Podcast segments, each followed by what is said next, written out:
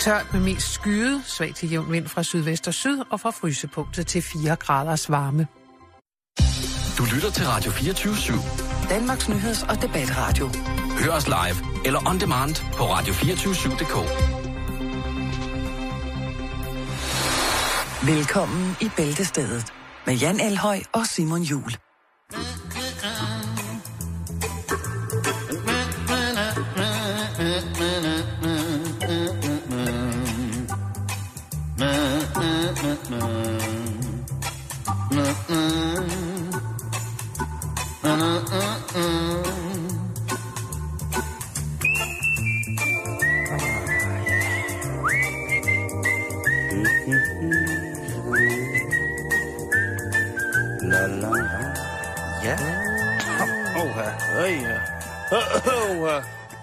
Oha. Mm, ja. Så nåede vi hertil. ja, vi er En her. øh, stille og rolig onsdag er det blevet til. Ja. Og øh, for nogle er det måske vinterferie. Ja, og for nogle er det måske kun tirsdag. Åh, du er så dyb, mand. Ja. Altså, jeg synes bare, vi skal komme i gang i virkeligheden. Ja, okay, Og øhm, jeg har faktisk taget lidt med, som øh, måske ligger lidt mere ned af din alle i virkeligheden. Okay. Som handler lidt om de her steder, hvor der ikke er så mange mennesker, hvis der overhovedet er nogen. Nå.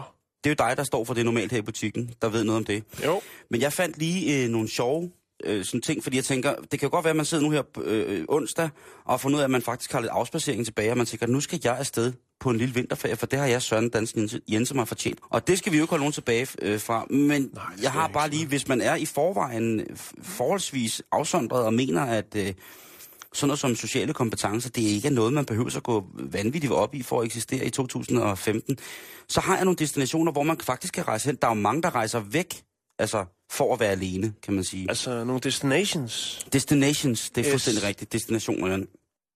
Der er jo nogle mennesker, som, som, når de har det allerbedst, så er de helt mutters alene. Ja, Der er, ingen, der, skal, der er ingen, der skal forstyrre dem, der er ingen, de kan, der er ingen mobiltelefoner, ingen printer, ingenting. Og der er nogen, der vil sige, sådan nogle mennesker, de er mærkelige. Jeg ved ikke, om jeg har det sådan. Jeg har mødt nogle mennesker, hvor man godt vidste, at de boede måske rimelig meget alene, men så vidste man også godt, at du ved, så på et tidspunkt, så, så skal man bare videre, ikke?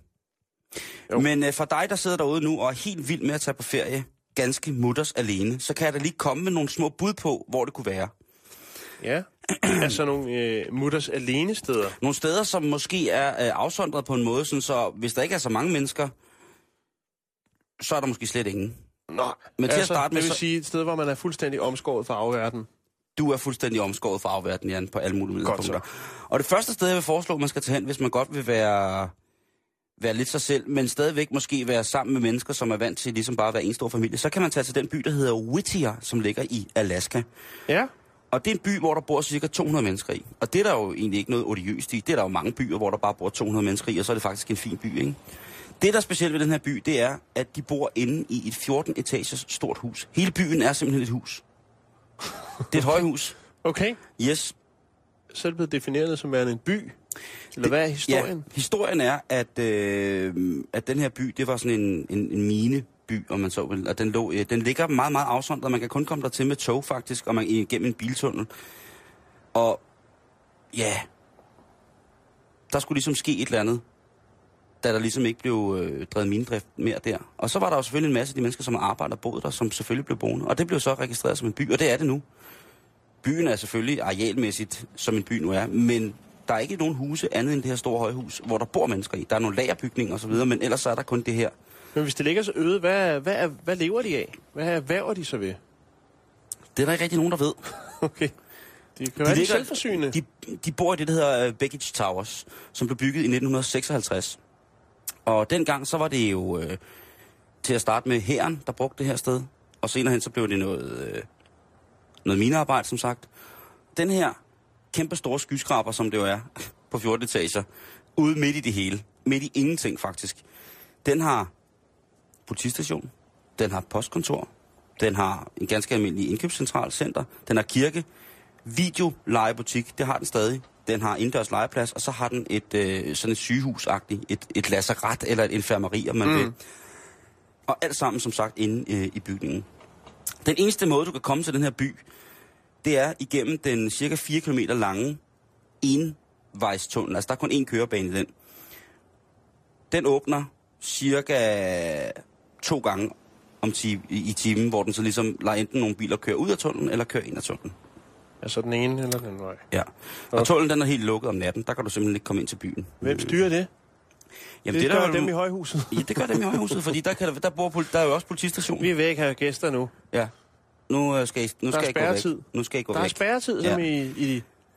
Og hvis man ikke kommer igennem tunnelen, så er der en, øh, en togbane, som standser. Og, og der skal man så vide, at man skal stanse der, fordi ellers så buller toget bare forbi. Så der skal en eller anden form for øh, logistisk kommunikation omkring afstigningsstedet i gang mm. med, med det lokale togsystem, før de ligesom anerkender, at jamen altså, skal du virkelig af det? Jeg mener du det? Er du en af dem? Mm.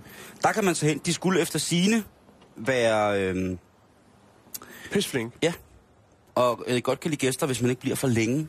Sådan er det beskrevet. Ja. I the, øh, hvad hedder det? Ikke i Lonely Planet, men i... Jeg tænker, hvis der er nogen, man godt vil af med, at det vil sende den derop. Det lyder til, at øh, man kan forsvinde helt derop. Det kan man. Altså lige nu, der ligger vejrudsigten sådan, så at uh, temperaturen er omkring mm, mellem minus 15 og minus 20 grader. Og i gennemsnit, så får de omkring 6,3 meter sne, plus der er rigtig, rigtig mørkt. Om sommeren til gengæld, så har de jo rigtig, rigtig meget sol, fordi det er, er nordpå, ikke? Jo. Og så om vinteren, så bliver det så... Altså jeg kunne ikke forestille mig noget mere øh, klaustrofobisk, end at bo i det samme højhus med 200 mennesker, som var en by Nej. hele tiden. Nej. Jeg kan følge dig. Jeg kan sagtens følge dig. Kan du følge mig lidt? Ja, jeg det, kan det, følge dig. Nå, vi skal jo videre, og nu skal vi altså til, øh, og den her by tror jeg, du vil elske rigtig meget. Den hedder øh, Monovi, og den ligger i Nebraska. Brask. Og det er en by, som blev grundlagt af tjekkiske immigranter, og det ligger i øh, det nordøstlige Nebraska. Og byen, Jan, har kun én indbygger. Hun er 77 år, og hun hedder Elsie Eller. Og rent sådan, hvis man kigger juridisk på det, så er den her lille by, Monovi, det er Amerikas mindste, Mindste rets, by. mindste retskreds også. Okay. Det er simpelthen en selvstændig, øh, det der hedder en jurisdiction, altså det er en selvstændig retskreds. Og det betyder jo også, at der skal være nogle, øh, i forhold til grundloven, bestaltede personer, som varetager nogle forskellige offentlige embeder. Jamen, hvis det kun er hende, der bor der, så klarer hun vel det hele. Det er hende, der begår forbrydelsen, det er hende, der afklarer den, og det er hende, der smider hende selv i, sig selv i Du fængsel. har fuldstændig ret. Hun er, hun er, hvad hedder det, hun er postmester, hun er borgmester, hun er, øh, altså hun kører jo så også byrådet, kan man sige. Er ligesom forholdsvis lille, lille antrit, der skal til Ja. for at holde en, øh, en, en, hvad hedder det, en ekstraordinær generalforsamling. Men der har boet flere i, i, øh, i byen, Det har der. Altså i 30'erne, der boede der omkring 150 mennesker. så det er sådan en udkants... Men i 2000, der var der kun to tilbage. Og det var Elsie og hans mand. Ja, I 2004, der dør Elsies mand desværre. Så øh, lige han blev pludselig... 77. Hvad siger du? Han blev 77. Han blev 77. Selvfølgelig kender du det her sted. nu tager du mig helt ud. Jeg ved selvfølgelig godt, at alle mærkelige steder i verden, det kender du. Øh, Elsie, hun sørger selvfølgelig for at holde det hele kørende. Hun er, øh, hun er allergladest for biblioteket, Jan. Fordi der har hun efterhånden øh, fået samlet 5.000 bøger, som hun så kan låne til sig selv. Hun så også rykker. Ja, det, altså, jeg tror, jeg tror hun er en, rimelig... en skrab bibliotekar over for sig selv, ikke? Det Jo. tror jeg. Øhm, Hun gør jo et hjælp, altså, det er jo meget nemt, kunne jeg forestille mig, når man har så mange øh, erhverv i, i sådan en, en by, er at blive sådan øh, rimelig sådan øh, personlighedsforstyrret. En gang om året, der betaler hun sin skat. Og det er blandt andet en skat, som er med til at vedligeholde de fire gadelygter, der er tilbage i byen. Og ved, du- ved, ved du, hvem der vedligeholder det? Det gør hun selv. Det gør hun selv. Og nu kommer det nu der, hvor du skal høre efter, Jan. Det må fordi da være ret spookigt. Altså, at øh, byen har rigtig mange forladte bygninger, som er blevet forladt som, øh, fra den ene dag til den anden. Der er mange af øh, bygningerne, som er selvfølgelig er gået nedenom og hjem på grund af det barske miljø deroppe. medtaget af naturen. Præcis. Men der står stadig bygninger, som er som da de blev forladt dengang. Og Elsie, hun øh, vil ikke rydde op i det. Fordi tænk nu, hvis der en dag kommer nogen tilbage. Ja. Så den historie er måske lidt sørgelig, og jeg vil da skyde på, at hun vil elske at få besøg hende her, Elsie. Hvis der kun... Altså, jeg tror, hun har masser af plads. Det vil jeg skyde på. Jeg tror, hun har rigtig, Jo, rigtig jo, meget jo, plads. jo, altså, der er bibliotek og kirke og så videre og så videre. Der, der, Der, er det, der er det hele. der er det hele. Der er det hele. Og så den sidste, Jan, den ved jeg også godt, du kender. Eller nej, det ved, jeg ved ikke, om du kender. Den sidste, det er øh, en by, som øh, for, så vidt, ikke- for så vidt ikke er beboet, men en kinesisk rigmands vanvid. Vi har jo hørt om det der med, at de vil have den lille havfru derned, og vi har hørt om, at de har bygget Eiffeltårnet og så videre, så videre. Jo, det, det står også i Japan, og der er mange gode ting. Men i Kina, der har de altså bygget øh, den østriske by, som hedder Hallstatt. Jeg ved ikke, om man kan huske den historie. Men kineserne, de brugte øh, altså lige omkring... Øh, der var en kinesisk mand, der brugte omkring 5, 5 milliarder, 6 milliarder kroner på at bygge en fuldstændig tro kopi, en til en, af den østriske by Hallstatt, som jo altså er på øh, UNESCO's verdensarvsliste, ikke? Mm-hmm. Problemet var bare lige en ting. Det var, at kineserne ikke havde spurgt østrigerne om lov. Ja, det er ikke godt. Og borgmesteren fra den originale østriske Hallstatt har faktisk været i den kinesiske Hallstatt og set byen og er imponeret, men han siger også, som tingene, altså som det, altså står skrevet, han siger, prøv at høre, det er ikke i orden. Det er sgu ikke i orden bare at bygge uden at spørge. Nej. Hvad har de kopieret ud fra? Har de uh, taget en, en tur på Google Street View, og så... Nej, de har haft firmaet, der har bygget den her øh, fuldstændig sindssyge kopiby. De var også i gang med Tivoli og sådan nogle ting og sager, ikke? jo. Øh, det hedder Min Metals. Øh, Min Metals. Min Metals. Og de brugte det gode, øh, den gode side af et år på at sende folk til Hallstatt og fotografere. Jeg tænkte nu. Så de har haft, simpelthen haft spioner ude. Ja. Byspioner. Jeg ved ikke, om man så for så vidt kan tale om, at der er tale om direkte spionage, øh, når det drejer sig om at, at bare stjæle byer og bygge. Men det ser altså rimelig, rimelig vildt ud. Det staves H-A-L-L-S-T-A-T, hvis man vil ind og tjekke det på, øh, på nettet. Jeg kan jo lige kigge en lille smule øh, her efter programmet, så vil jeg lige smide nogle billeder op af, af den her by i Østrig og så Kina, og så skal I så også se øh, verdens fineste øh, hvad hedder det, byskilt, hvor der står to indbyggere. Så øh, der er ingen grund til den bare... findes også som t-shirt. Er der det? Ja, jeg har den her. Ej, hvor er Novi, Den. City Limits, så står der Population 2. Så det er fra før manden døde. det er fantastisk. Ja. Så der er i hvert fald ikke nogen grund til ikke at rejse ud og være alene sammen med nogle folk, som måske også i virkeligheden til hverdag er nogle af de få. ja, det kunne være interessant. Har du tage nogensinde mødt... Når du, Tage, tage hende der Elsa ind øh, til byen, hun, altså for at se, hvad hun reagerer. Tænk på, hvor meget i storbyerne, hvor meget, øh, altså hvor, hvor massiv lyden er, lydindtrykket er. Ikke? ja, det må være helt Hvis hun vildt. kommer derude fra, altså, hun kommer fra en by, men hun er den eneste, der er der. Agtigt. Nå, hvad siger du, Simon? Du skal til at sige noget? Jeg skulle bare spørge, om du nogensinde har været nogle af de der steder, når du er ude og fotografere, øh, hvad hedder det, forladte bygninger. Mhm. Mm-hmm. Om du så nogle gange har været i gang med noget, hvor du sådan, altså, du, det, er for, det er helt sådan, det, ser, det er forladt, og alt er sådan ligesom naturligt. Og så lige så står der en eller anden person og siger, øh, ja dog, øh, hvad laver du her? Øh, Nej, det har mere været dyr, faktisk, hvis jeg tænker på det. Det har været en kæmpe, kæmpe stor forlø- øh, forladt forlystelsespark i Japan, som er fuldstændig tilgroet. Helt fantastisk. Den ligger i øh, en by, hvor man har mange rådyr, og de er også i forlystelsesparken. Det vil sige, jeg kommer så hoppende over et hegn ind til sådan en kæmpe stor rutsjebane, og så øh, står der altså et stykke råvild derinde, som bare tænker, fanden er det? Og så stikker den ellers bare øh, i fuld fire spring afsted. Den kigger på mig, jeg kigger på den og tænker, hvad laver den her? Og den tænker, hvad, hvad er det? øh, det var virkelig, virkelig mærkeligt. Det var fuldstændig stille. Og så Ej. kunne jeg høre den, den, øh, den pløje afsted. Jeg har ikke rigtig været... Det eneste, jeg kan huske, det var på et tidspunkt i Rusland, hvor jeg var ude i en meget, meget lille russisk øh, landsby. Sådan meget klassisk med, at der ligger øh, måske otte huse på hver side af vejen, og så er det en by. Øh, og så er der så et, et af husene, nogle af dem de står tomme, og så er der et af husene, som er det, det sidste på venstre side.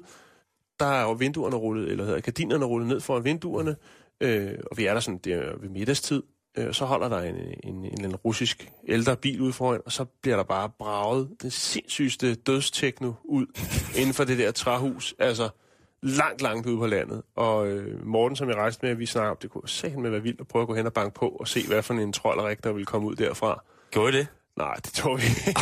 Sindssygt, mand. Ej, Men altså, der er nogle folk, der, der nyder. Ensomheden. Ja, Ja, og om det er så med høj musik eller ej. Mange turister, der har besøgt Monovi, som har taget et billede, hvor Mhm. mm-hmm. er byskiltet, hvor står, øh, To. at der bor to. Ja. Øh, og så kan man se, at Elsa, hun har været ude at rette det og sat et et-tal over to-tallet. Så egentlig måske opfordre til at selvfølgelig at fare med lempe, men at besøge de steder, hvor der ikke er så mange mennesker. Jo. Det kan de måske både dem og du have godt af. Det tror jeg, jeg skal tænke over næste gang, jeg skal på ferie, Jan. Jo. Ej, den der forlystelsespark, den er sindssyg i Japan. Du kan gå ind, øh, hvis vi endelig skal øh, være skamløse og sige noget, så kan du gå ind og se øh, Jans øh, ting øh, på, hvad er den, jeres hjemmeside hedder med det der forladte ned. Kan lægge den op på Facebook, det er næsten nemmere. Ja, gider du ikke det? Jo. Så kan man altså virkelig se øh, nogle folk, der har haft travlt med at rejse, eller no- nogle, øh, nogle smukke steder. Så indtil videre, god vinterferie. God eftermiddag, og rigtig hjertelig velkommen til Radio 24 hvor at bæltestedet i dag er blevet aflyst til fordel for programmet Massage. Det er fire timers uafbrudt sending med flamske massagetips til dig, som har brug for det, og som tror på, at verden kan blive et bedre sted, så længe vi mennesker bare rører ved hinanden tæt på smertegrænsen. Tænk, hvis vi havde sådan et program. Jamen, øh, hvorfor ikke? Ja. Så er den ved at være klar. Hvad er det, du laver derovre? Jamen, øh, vi skal da- snakke hold da kæft. 3D-printer. Ja, det kan vi jo godt lide. Ja, Det er fremtiden. Ja. Øh, 3D-printing, vi har snakket om det utrolig mange gange før. Snart så kan du printe din egen mad. Ja, Øh, organer også på vej. Øh, og vi skal også snakke lidt organer. Og først så vil jeg lige øh, nævne en grafisk designer, der hedder Fernando Sosa. åh, oh, Som, øh, Fernando.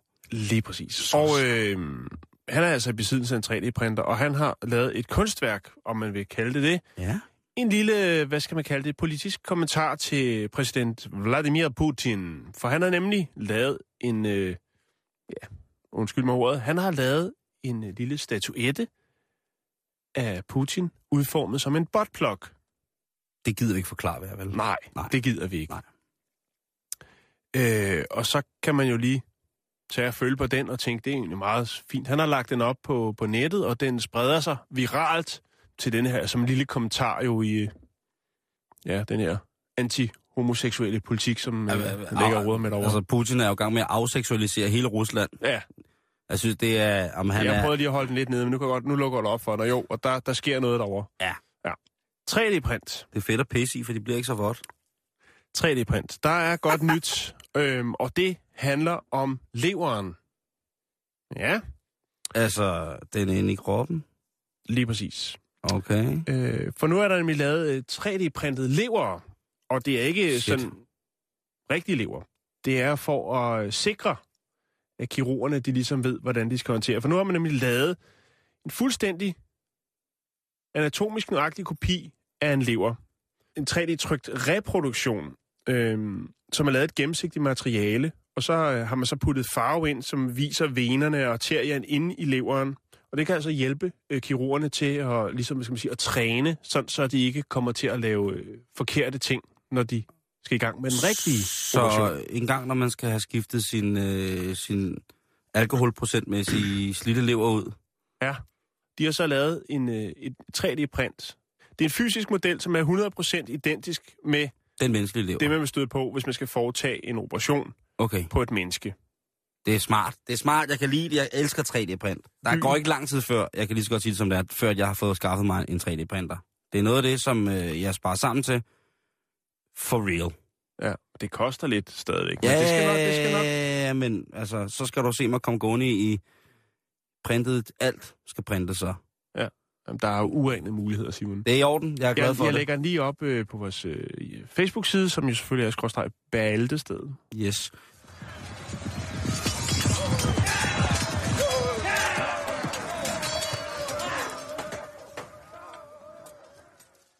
På vej hjem fra arbejde, der øh, bliver jeg nødt til at holde tilbage øh, for en, et optog af vikinger og elver.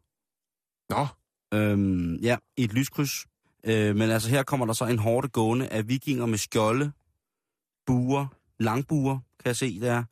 Øh, spyd, skumsvær, helt pivetøjet.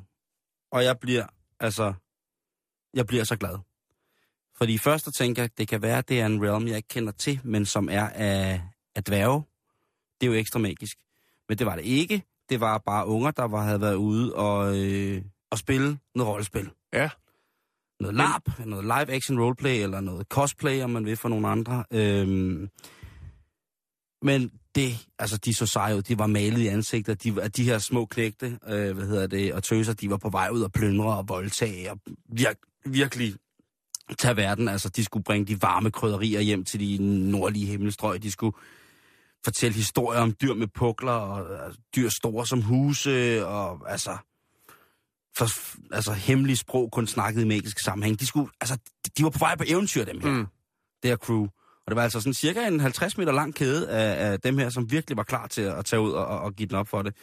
Og så finder jeg i dag en artikel i videnskab.dk, øh, som er skrevet af en blogger derindefra, men øh, som påstår, at øh, vi er det land i verden, der har flest orker per indbygger. Det er ret sejt.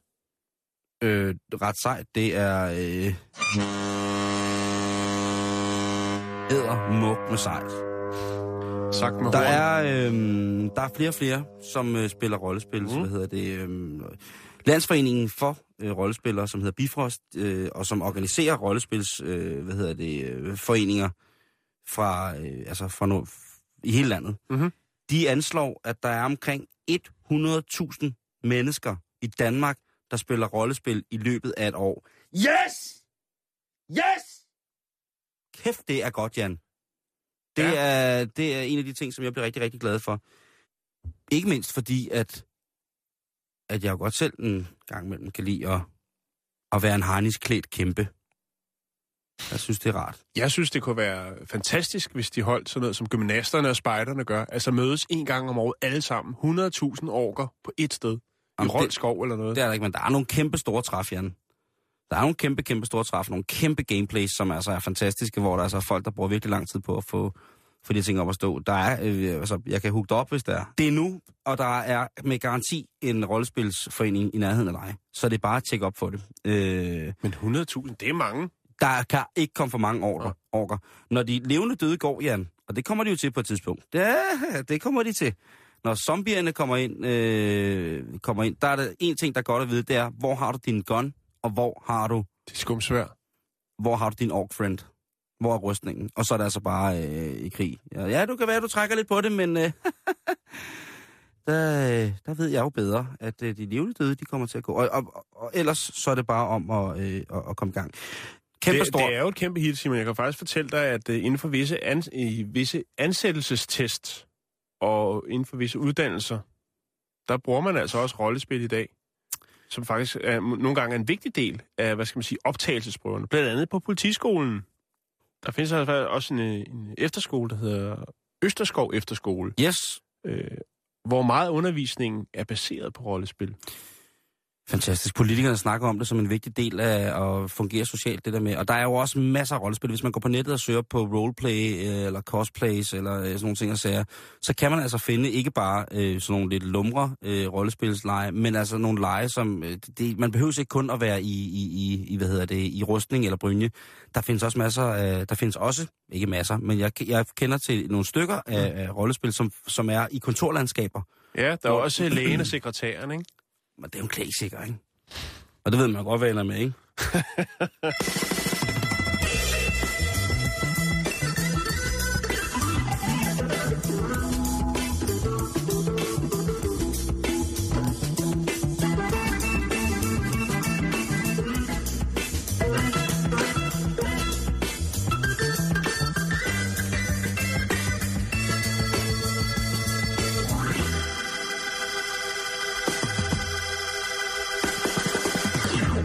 Nå, Simon, øh, jeg ved ikke, om du har set filmen Frozen. Er det Fantastiske sådan en animeret, sådan musical-agtig ting? Ja, lige præcis. Nej, den må jeg, den, jeg, jeg, eller det vil sige, det er ikke helt rigtigt. Jeg gik lidt i gang med det, Ja, og så har jeg det jo lidt med de her musicals nogle gange, at hvis det bliver for meget, ja. så skal jeg tage den øh, over en 3-4 år, sådan i små bidder. Okay. Men jeg har ikke set den. Nej, jeg har set den. Sammen med mine børn. Kender. Selvfølgelig. Nå. Men øh, hvis du skulle være i tvivl, så var den her film et kæmpe, kæmpe, kæmpe stort hit på verdensplan. Ja, det kunne du godt bilde mig. Øh, Det kunne du godt bilde mig ind. Den er jo baseret på det oprindelige eventyr af H.C. Andersen øh, fra 1845, nemlig Snedronningen. Mm-hmm. Som er pissehammerende uhyggeligt, synes jeg. Ja, Det, det, det, det er drønhammerende uhyggeligt eventyr, og det var måske også derfor, jeg ikke ligesom relaterede til det der Frozen på den der måde, som... fordi du stadig er skræmt. Ja, jeg er dødsens men det, Jan, du ved jo, hvor bange jeg er for generelt alt, så det var ligesom... men altså, det er, det er et rensdyr, der synger, så langt er jeg med. Ja, og det er jo tit... Øh, Og når, en snemand. og en snemand. Når noget bliver populært, så øh, kommer der nogle efterdønninger. Så skal der koge suppe. Ja, nej, ja, det måske ikke sådan øh, ud fra det økonomiske aspekt, skal vi kigge på nu, men mere ud fra navneaspektet. Altså, at hvis der er noget, der hitter så øh, har det nogle efterdønninger, og det kan være navn. Vi har snakket om det sidste år, Ja, det omkring øh, LOC, altså Liam O'Connor, ja. at øh, der var utrolig mange, der navngav deres børn øh, Liam. kan jeg da godt øh, forstå. meget, meget drastisk fald på øh, navnet Amalie, grundet en øh, vis øh, reality-deltager, vil jeg kalde det. Jo, ja. Jeg, jeg, jeg bruger ikke ordet stjerner og den slags. Det kan jeg lige så godt fortælle dig. Men, Simon, hvad har det med Frozen at gøre? Ja, egentlig. Jo. Der er en øh, fin lille pige i Frozen, som hedder Elsa. Okay. Navnet Elsa, det er simpelthen røget ind på førstepladsen i 2014 i statistikken over Nye. flest pigenavne. Altså det mest populære pigenavn ja. Ja. i Sverige. I 2014... I Sverige simpelthen? I Sverige, Simon. Ah, okay. I øh, Ja. 2014 blev der navngivet 850 Elsa. Elsa. Det er, Elsa. det er en øh, stigning på 11 procent øh, øh, fra 2013. Det lyder også rart. øh, hvor det lå på øh, en tredje plads. Men nu er det altså på en første plads. Øh, andre populære navne i Sverige, det er Alice. Så Alice. Er, er det Maja. Og faktisk, hvis man kigger på listen, jeg har lavet Nå, en fin lille den. oversigt Ja, her. ja, ja, ja. 2010, 11, 12, 13, 14. Så kan man altså se, Alice ligger faktisk også øh, ret højt. I 2010 ligger Alice øh, på anden pladsen, 11 ligger på første, 12 førstepladsen, 13 også førstepladsen, mm-hmm. og så i 2014, efter Elsa, eller efter Frozen, så, øh, eller hvad hedder den, Frost, det var det, den hed, Frozen. det er flot, Jan. Frost. Øh, så ligger Elsa på toppen, på førstepladsen, og ja. har ellers ligget på en, en tredje. Bare den har ligget på en anden i 2012, tredje, ikke? Jo, jo, jo, Det, jo. det er et rimelig, rimelig stærkt navn i, i Sverige, åbenbart. øh, 2010, der er den, altså, der er den godt stykke dernede, ikke? Og der kan man så også, hvis, hvis man skal navne øh, prognostisere, så kan man jo sige, at navnet Ella har jo holdt øh, forholdsvis det gode stamina gennem Ja. øh, hele perioden fra 2010 til 14. Og Ebba, Jeg kan godt forstå, hvis man får smukt drengebarn, at man godt vil navngive det efter øh, Liam O'Connor. Det har jeg ingen problemer med. Jeg kunne sågar selv finde på det, hvis det den dag skulle, uheldet skulle være ude. Jeg kunne sagtens finde på at kalde det barn for Liam.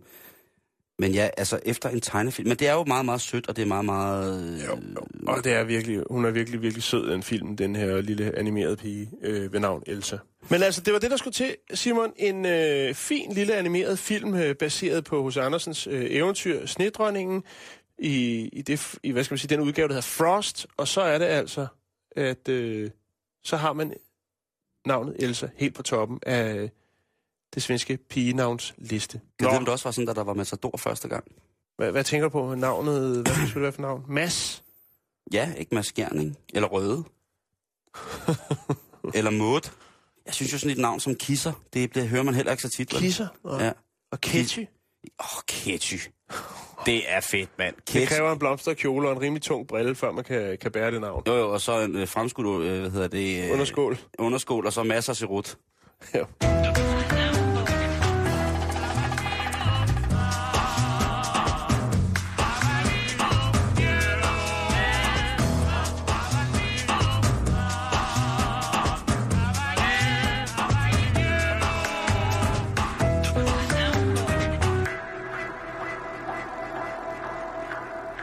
Vi skal sgu, øh, vi skal sgu afsted til, til Østen. ja, men Der er vi, jo sikkert- vi, vi starter i Italien faktisk. Okay. Okay. Og så kan vi bevæge os. Der er sikkert mange, der har været på vinterferie, og som har købt øh, nye, spændende ting med hjem. Måske øh, tænkt... Et "Hov, godt tilbud. et Special godt- price for you, Lige my friend. præcis. Altså, øh, været i Italien og købe øh, lækkert italiensk tøj, eller nogle tørklæder, eller et eller andet støttestrømper. Jeg ved ikke, der er et utal af modfænomener, man for en billigere penge end herhjemme kan erhverve sig på øh, meget, meget lidt sydligere rejsemål, end hvad Danmark egentlig er geografisk. Ikke? Mm, jo. Øhm, Jeg faldt over en historie, som er fra Italien. Nærmere bestemt Livorno. Og skidt i bokserne fra Livorno. Ja, og Rom. Mm, og Romo. Der har man, øh, Sì. som man betegner, anholdt 14 kinesisk fødte mistænkte i en, en sag om kopivarer. Man skal passe på de asiater, Jan. Ja, det har jeg bemærket. Øhm, det er også derfor, jeg ikke ønsker mig strømper eller andet tøj af dig. Jeg ved aldrig, hvor det kommer fra, om Nej. det rent faktisk er ægte. Det er jo det. Øhm, men i hvert fald så har man øh, de her 14 øh, kinesere råd på anklagebænken øh, mistanke om øh, bedrageri, forfalskning af forskellige øh, tøjprodukter. Øh, og øh, det, som det ligesom går ud på, efter man ligesom har analyseret, det er en sag, der har været under opsejling en del år. Øh, politiet har holdt lidt øje med, med, hvad der er foregået i det her såkaldte italienske kopimiljø, kan man godt kalde det. Jo, det synes jeg... Øh... Og øhm, de har altså haft gang i at kopiere eller lave, reproducere, eller hvad man vil kalde det, noget tøj, som skulle indeholde det meget, meget fine, meget, meget lækre og meget, meget bløde cashmere, Mm, kashmir-uld. som jo er fra gen. Det er fra gen. det er for gen. Det er fra gen af. Ja. Yes. Og det er jo faktisk hår, Men ja, hvis vi skal koge det helt ned til Ja. en fong. Nå, det er en anden historie. det er det gider vi ikke at lægge råd med. Men i hvert fald så viser det sig, at øh, alt det her kopihalløj, som de har haft gang i, omkring øh, en million stykker tøj, her også af jakker. Og øh, de indeholder altså ikke helt den cashmere, som vi kender og anerkender, og måske også ynder at spendere penge på, fordi det er et dejligt stykke blåt eller blødt, Jamen, det er jo, det er jo, det er jo hipt. Altså, det, meget det er jo, hipt. Altså, og det, også det er jo ufatteligt dyrt. Jeg var inde i en butik, hvor de havde tidsløst af det, Jeg skulle købe en hue, og så var der en hue, som simpelthen var så dejligt blød. Og så kigger du på den. Så kiggede jeg på den og tænkte, åh, Så kigger den du på prisen. Så kiggede jeg på prisen og tænkte, ah, Så, så rar er den heller ikke. Jeg tager et hus ved Strandvejen. Ja, Og har lidt- og har Men lidt i hvert fald, hvis vi lige skal løfte sløret for, hvad det så var, det indhold, så var det en blanding af, og det kommer her, Simon, akryl, viskose og så pels fra rotter og andre dyr. Mm. Mm. Hold kæft, hvor er det vildt, ikke? Og man betaler, altså, der er, det er jo en, i tekstilindustrien, kæmpe, kæmpe, kæmpe, kæmpe stort svindelmarked for, øh, når man for eksempel rejser til Indien, og så sidder der nogen og sælger et pashmina-sjal til en, eller man er i Thailand, er det nu ægte thailandsk silke, er det Ja. den rigtige, når man rejser til, til, øh, til Nepal, øh, skal man have de ægte kashmir uld underbukser til... Er det et havesæt i ægte bambus, eller er det Hvad er det? fake Er det, bambus? er, det den, er det den falske bambus, øh, der... der er det den rigtige safran, eller er det bare... Øh, er det skægstubet fra... Øh, fra, fra en rødhåret fra en rødhåret... Øh, inder? en rødhåret inder. Hvad er det, vi har med at gøre? Man, man, man kan ikke andet end med, og jeg, jeg Nej. vil godt ved med, at øh, de, alle, dem, alle jer, der vender hjem fra Østen her, har efter have været på en dejlig øh, kørselferie til Thailand, Mm. at de f- vender hjem med, med poserne fyldt op med, med en, en ond Gucci Louis Vuitton øh, Lyder det for godt til at være sandt det tilbud, så er det sikkert også. Nye øh, hovedtelefoner, Beats by Næsten Dre. Øh, Det, det kan vi lige vende tilbage ja, til. vi vender tilbage jo, til det. Jo. Po- Pololo, Ralalala Flolland fra Pololo. Ralf Lolland. Ralf Lolland fra Pololon. Men i hvert fald, så, øh, så er, det, er det, det er en ret stor sag, fordi at det... Øh, altså, hvad skal man sige? Er det en millionindustri? Jo, men Italien har jo også ligesom et ry for ligesom at lave noget, der er kvalivare. Ikke? Ja. De har nogle, nogle meget, meget fine dyremærker dernede. Gucci og så pizza. derfor så er det selvfølgelig en lille, en lille tårn i øjet på dem dernede. Spaghetti øh, Bolo. Undskyld. China Time, øh, Times, øh, nyhedsavisen, siger jo, at det her med, altså, de har ligesom gået ind i den her sag og sagt, ja, det er rigtigt, og, og hvorfor skulle det ikke foregå i Europa også, når der er så meget hernede i, på det asi- asiatiske marked? Ja. Og øh, altså, de siger jo også, at det er en livsstil, det her med at kopiere varer, især ude i landdistrikterne, hvor folk ikke har andet valg øh, end at acceptere varemærke for øh, forfalskelser, Mm. for falsket varer, ikke? Jo. øh, som ofte også er øh, temmelig defekte. I øh, Saudi-Arabien for eksempel, der øh, køber man stort set, at du kan ikke sælge noget, der står Made in China på. Og det er, fordi folk er øh, er bange for, hvis det er, også selvom det er de populære mærker, det er lige meget, hvad det er for en mærke, hvis der står Made in China, så køber folk det ikke. Fordi jeg er bange for, at øh, varen kunne være falsk. Og, og, og man undrer sig ikke over, hvis man er andre steder i Kina, at alle, øh, hvad hedder det, alle løber rundt med den samme Ralf Lolland, tror jeg. Nå. Jamen, det, det er jo ret vildt. Ja, det, det må man sige. Øhm, men så øh, tænkte jeg, det vil jeg egentlig lige kigge lidt videre på, Simon. Og jeg fandt et par meget sjove eksempler på, hvad der bliver kopieret i Kina. Og jeg skal da love for, at der bliver ikke sparet på noget. Altså, der Ja, er, jeg skal ikke gøre mig for god. Jeg har taget kopivarer med hjem fra både Thailand. Kina og Thailand og Mm. alle mulige andre steder. det kan også være, hvis det er virkelig, virkelig en dårlig kopi, så er det Ja. faktisk sjovt. Jeg husker på mange, mange år siden, hvor jeg var i Thailand, hvor der så var sådan en lidt tvivlsom biks, hvor han havde noget øh, Ralf Lolland og lidt andre ting. Der havde han blandt andet et par guldfarvede Dolce Gabbana sandaler. Øhm, og, Dolce Galusia. og de havde så stået helt ude øh, i solen i meget, meget lang tid. faktisk så lang tid, så det der tryk, hvor Dolce Gabbana på, det var øh, sådan forsvundet. Okay. Og så havde manden, der stod og havde den lille biks, han havde så tænkt, ah, dem kan jeg jo ikke sælge, det er jo sådan, det er forsvundet lidt. Og hvad havde han så gjort? Han er tegnet op selv. Han havde lige fundet sig en sort spritus, og så havde han lige tegnet det op. Det var... Ah, ja, og jeg var så tæt på at købe dem. Ikke fordi jeg ville bruge dem til noget, men bare fordi det så virkelig, virkelig dårligt ud. Men Simon, i Kina, der øh, ser man lidt højt på, og flot på det her med, hvad skal man sige, øh, altså brands og deres øh, beskyttelse, deres trademarks. Åh, oh, ja, lige præcis. Ikke? Velkommen til Kina. Jeg har fundet nogle fantastiske kopiforretninger og varer dernede. Der er blandt andet noget, der hedder King Burger. King Og- Burger. Ja, Åh, her og det er, det. det er fuldstændig... Altså, jeg kan lige vise dig logoet her. Jeg kan dele det med lytterne senere. Det er Burger King-logoet, hvor der bare er byttet rundt. Og jeg synes jo, altså en, en ting er at finde kopivarer tage noget med som ligner ting, ikke? Jo. Men altså, hvis man nu fandt for eksempel et par sko, som hed Skummel eller et eller andet, eller... Øh, Så er det øh, lidt humor i det. Ja, ja, altså jeg har jo mm. Toppe Hilfokker øh, pandebånd derhjemme, ikke? Jo. Og det er jo, øh, altså, læner sig op af forskellige ting, men altså ja, der er mange ting. Jeg har øh, gjort en dyd ud i at købe øh, Lacoste polotrøjer med, øh, med krokodillen syd forkert på. Jo, og så er der Og- også lidt humor i det. Men Jamen, der det er er, jo det er det. jo et problem, Simon. Der er for eksempel også en øh, butik, som har en kanin som logo, som hedder Pearl Boy, Ja, i stedet for Playboy. ja, det er selvfølgelig rigtigt. Pearlboy, det lyder jo også meget mere, altså... Så kan du købe et anlæg fra Panasonic. et dejligt træningssæt fra Adidas. Nej, Odidas står der endda. Er også... Og så er der et, øh, et, et, et Nike-sæt, vil jeg sige. Der er så bare i stedet for, at der er den der, sådan, den der bue, de har. Så er der Swipet? Ja, Nike swipet. swipe? Så er der en, et, øh, et, der vender på hovedet også ovenover, og så står der NAK. N-A-K-E. Nake. Nike? Eller Nike, ja. Ja. Jeg tror, det er Nike. De skal, fandme, de skal fandme have, de går for den. Jo. Øh, Sony, der er det så lavet om et par dejlige høretelefoner fra Sonia. Ja, fra Sonja. Ja. Og så er der Heimikem. H-E-I. Nej, H-E-I-M-E-K-E-M. Heimikem. Det er en dejlig øl, Det er en dejlig øl. Yes. Og så er der en øh, meget eksklusiv butik, der hedder Pradi. som måske skulle have været Prada. Ja. Ah, det er godt. Og Crocs, de her sådan, fantastiske træsko. Som Dem er der forhåbentlig ikke nogen, der gider kopiere noget som helst Jo, af. de hedder bare Corks. Hvad for noget? Corks. Som man har byttet om på R'et og O'et. Er det ikke meningen, man skal kopiere fede ting? Jo, men det rykker vist også meget godt Ah, det jo... med et par Corks.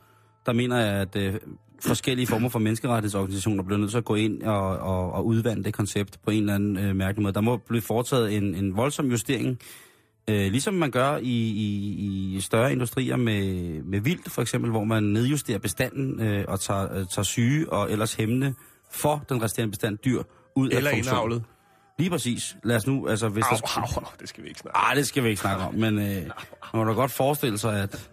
Nej, det. Nå, men det kan godt blive vid- meget, meget vildere. det Fordi håber det jeg her, det er jo øh, små materielle ting. Men de store materielle ting, nej, dem kan du sagtens få en kopi af, hvis det skulle være. Graceland i Randers. Jeg vil...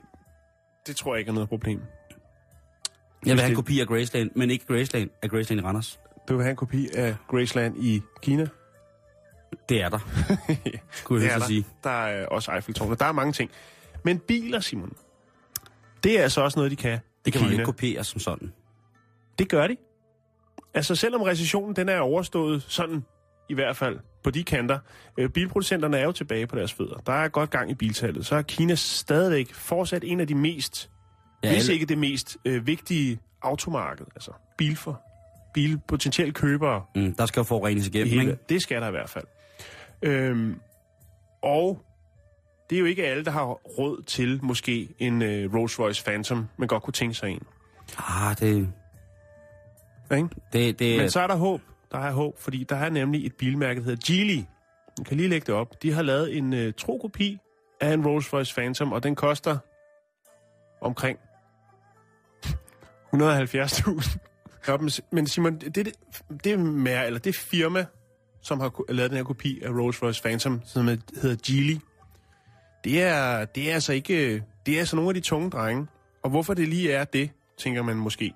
Fordi de laver jo kopibiler i stride strømme. De Ja. laver også Honda-kopier. De laver mange forskellige bilmærker. er der, altså, Udover det, så købte de faktisk af Ford her for øh, en, et par år siden, tror jeg det er, der købte de et meget, meget smukt bilmærke, synes jeg, nemlig Volvo. Volvo Geely- blev solgt. Ja, først til Ford, mener jeg det var.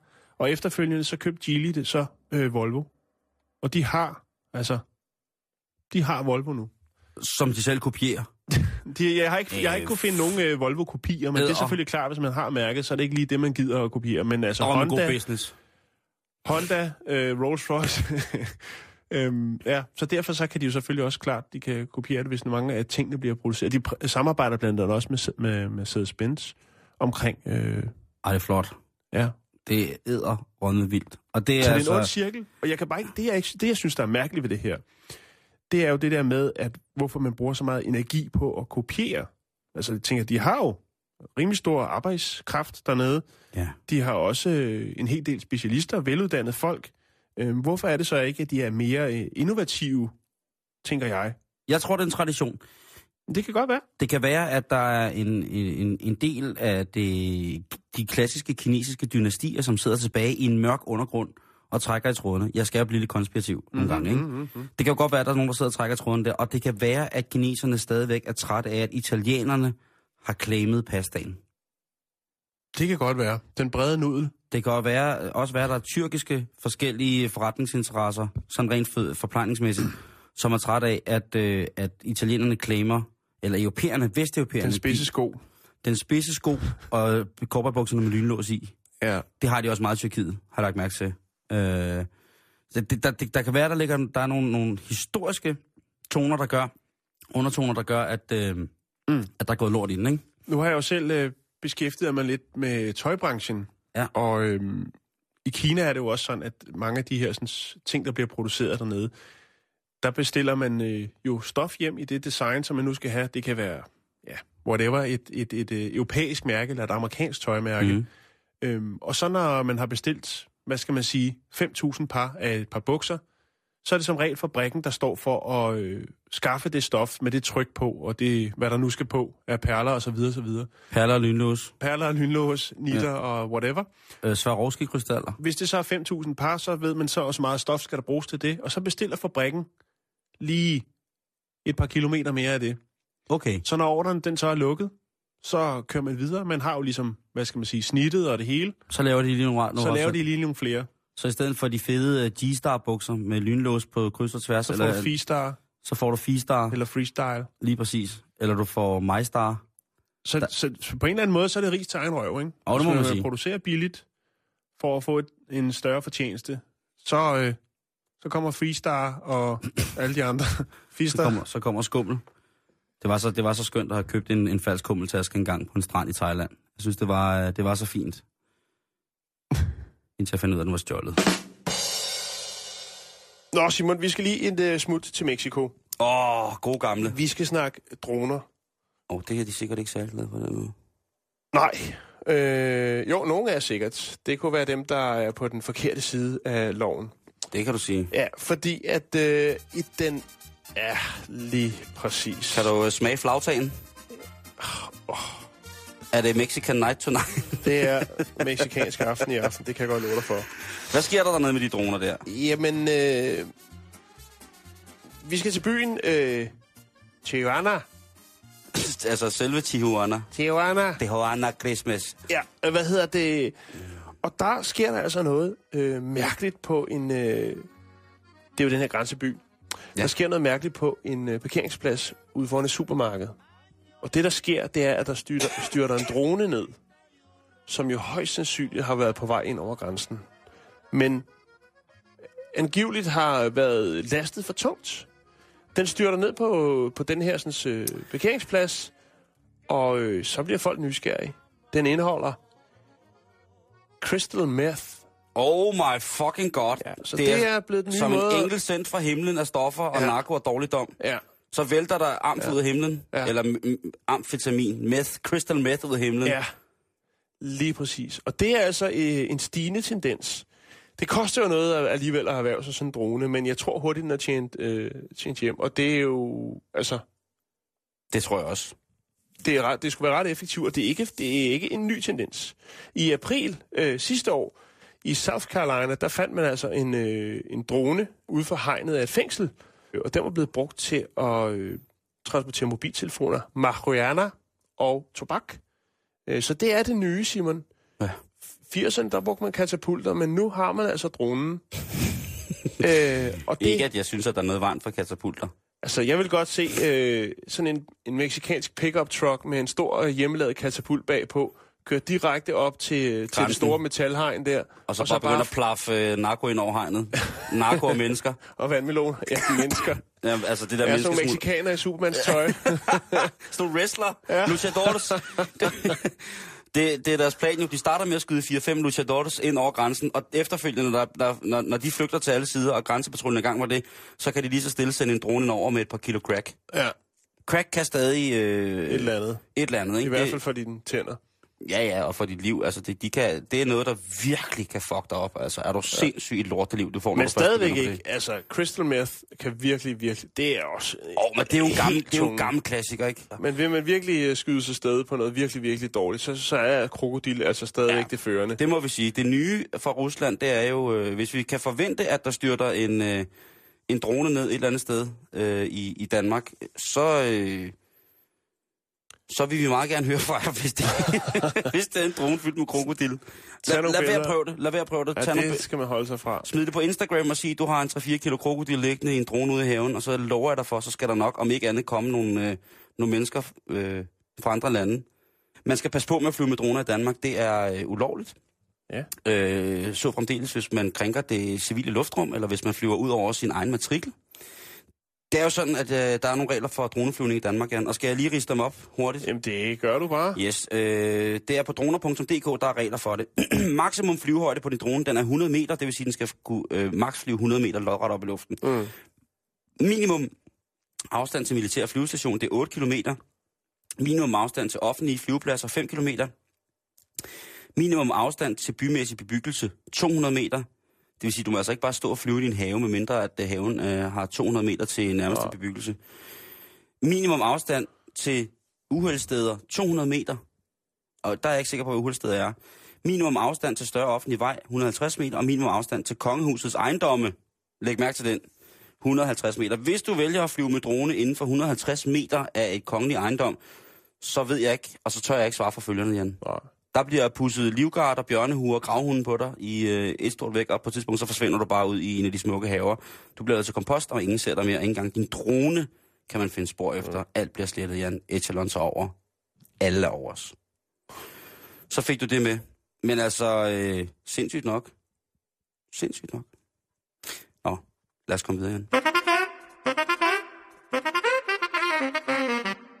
Sådan som, som landet li- ligger lige nu, så vil jeg godt have en plakat af Arne Redsted Rasmussen, som er lektor i biologi ved Konservatorskolen i København. Ja. Hvem har det? Højst, øh, jeg, jeg, jeg vil gerne punge ud for det. Øh. Men Arne, han har øh, forsket i øh, Timorhavet mellem Indonesien og Australien øh, igennem en del år.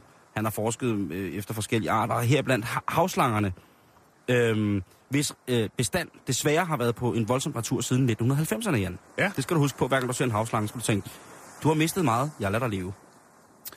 Tak. Det, der er sket, det er, at der er kommet øh, havslangens svar på et muldyr.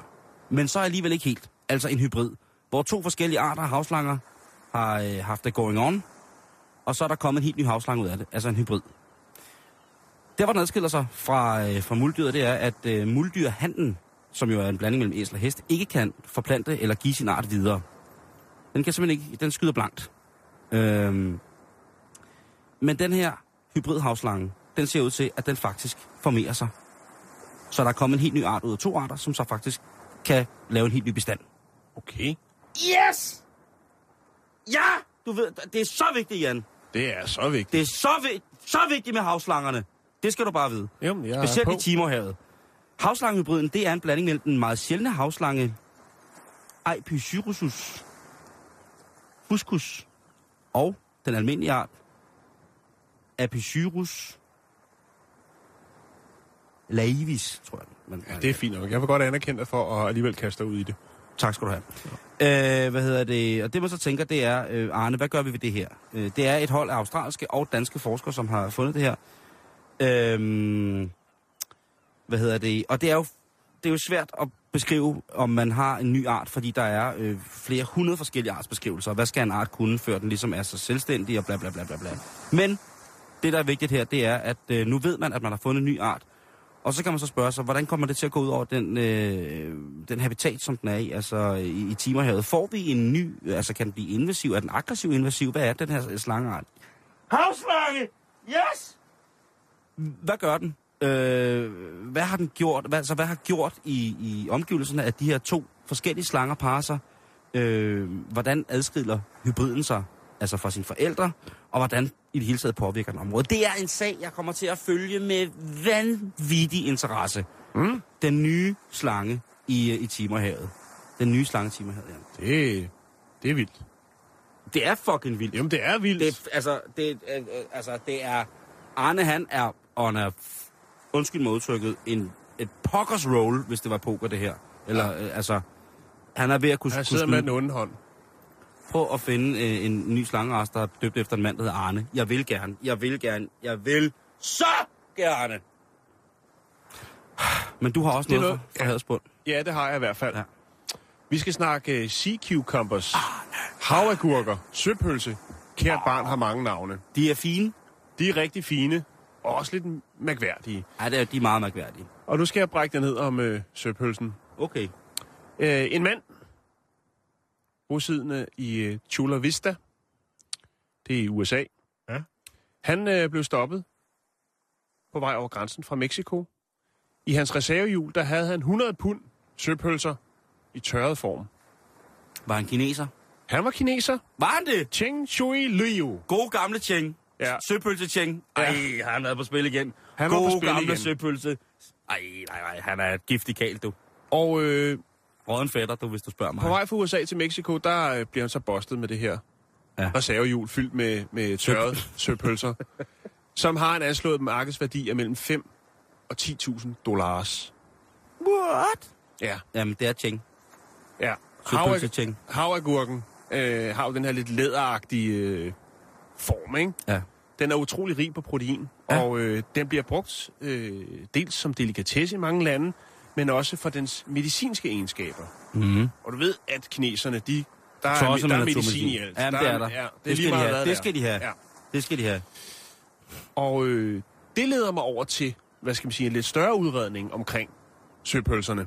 Ja. Fordi mange i Vesten, vi synes måske ikke, at det er det mest appetitlige at kaste over ved middagsbordet. Det, det smager ikke af noget, Nej, kan jeg hilse sige. og det kan godt være, at man så som argument kan bruge, at den er rig på, øh, på protein. Men Ja, ja, ja. ja. Øh, det er stadigvæk lidt, lidt nastigt. Men den er faktisk blevet så populær på spisebordene i øh, Kina blandt andet, Mm. at den er ved at uddø. Ja. Øh, de asiatiske forbrugere, øh, de er ret begejstrede for søpølsen. Øh, som jo er en mindre glamourøs fætter til søstjernen og søpindsvinet, kan man vel sige. Mhm. Øhm, den forekommer i alle de store oceaner og have, og øh, spises i Kina og i, i sydøstasiske asiatiske lande. Og det er den blevet gjort i mange, mange hundrede år.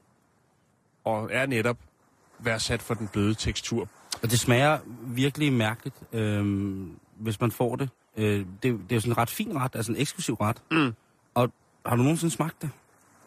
Nej, det smager jo har det, der ved siden af, men det er konsistensen, som, og det er jo derfor, altså der er jo mange, der har konsistensofobier, øh, eller hvad det hedder, når man er bange for forskellige konsistenser. Men det er mm-hmm. altså lidt, hvis du tager og forestiller dig en øh, vandmand, eller en, en vingummi, øh, en, en vin, sådan en hård engelsk vingummi, du har lagt i vand.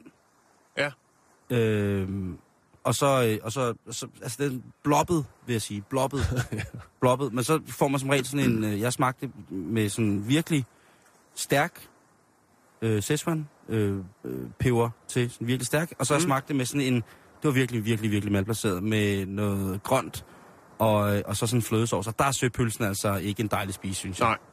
Men det er jo selvfølgelig igen økonomien, det kommer an på, vi har snakket om det før i Kina.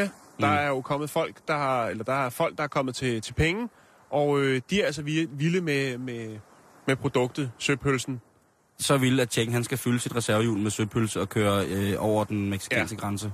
Ja. Ja. Øh, der er to, eller 377 arter øh, af søpølsen, og øh, de er altså nu optaget på den røde liste over troede dyrearter. Øhm, og øh, det ser ikke godt ud. Og de har jo faktisk en, øh, en øh, ret vigtig funktion, blandt andet nede omkring Australien, hvor de lever tæt på øh, de meget også troede koralrev. Great Barrier Reef, Yes. blandt andet. Hvor at de øh, sørger for at, at holde, hvad skal man sige, hele, gang i hele økosystemet dernede. Ja.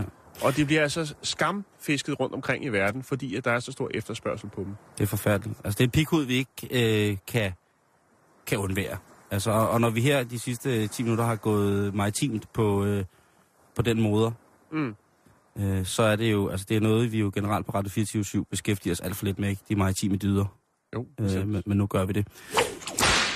Nyhederne, de kommer nu. Du lytter til Radio 24 /7. Om lidt er der nyheder.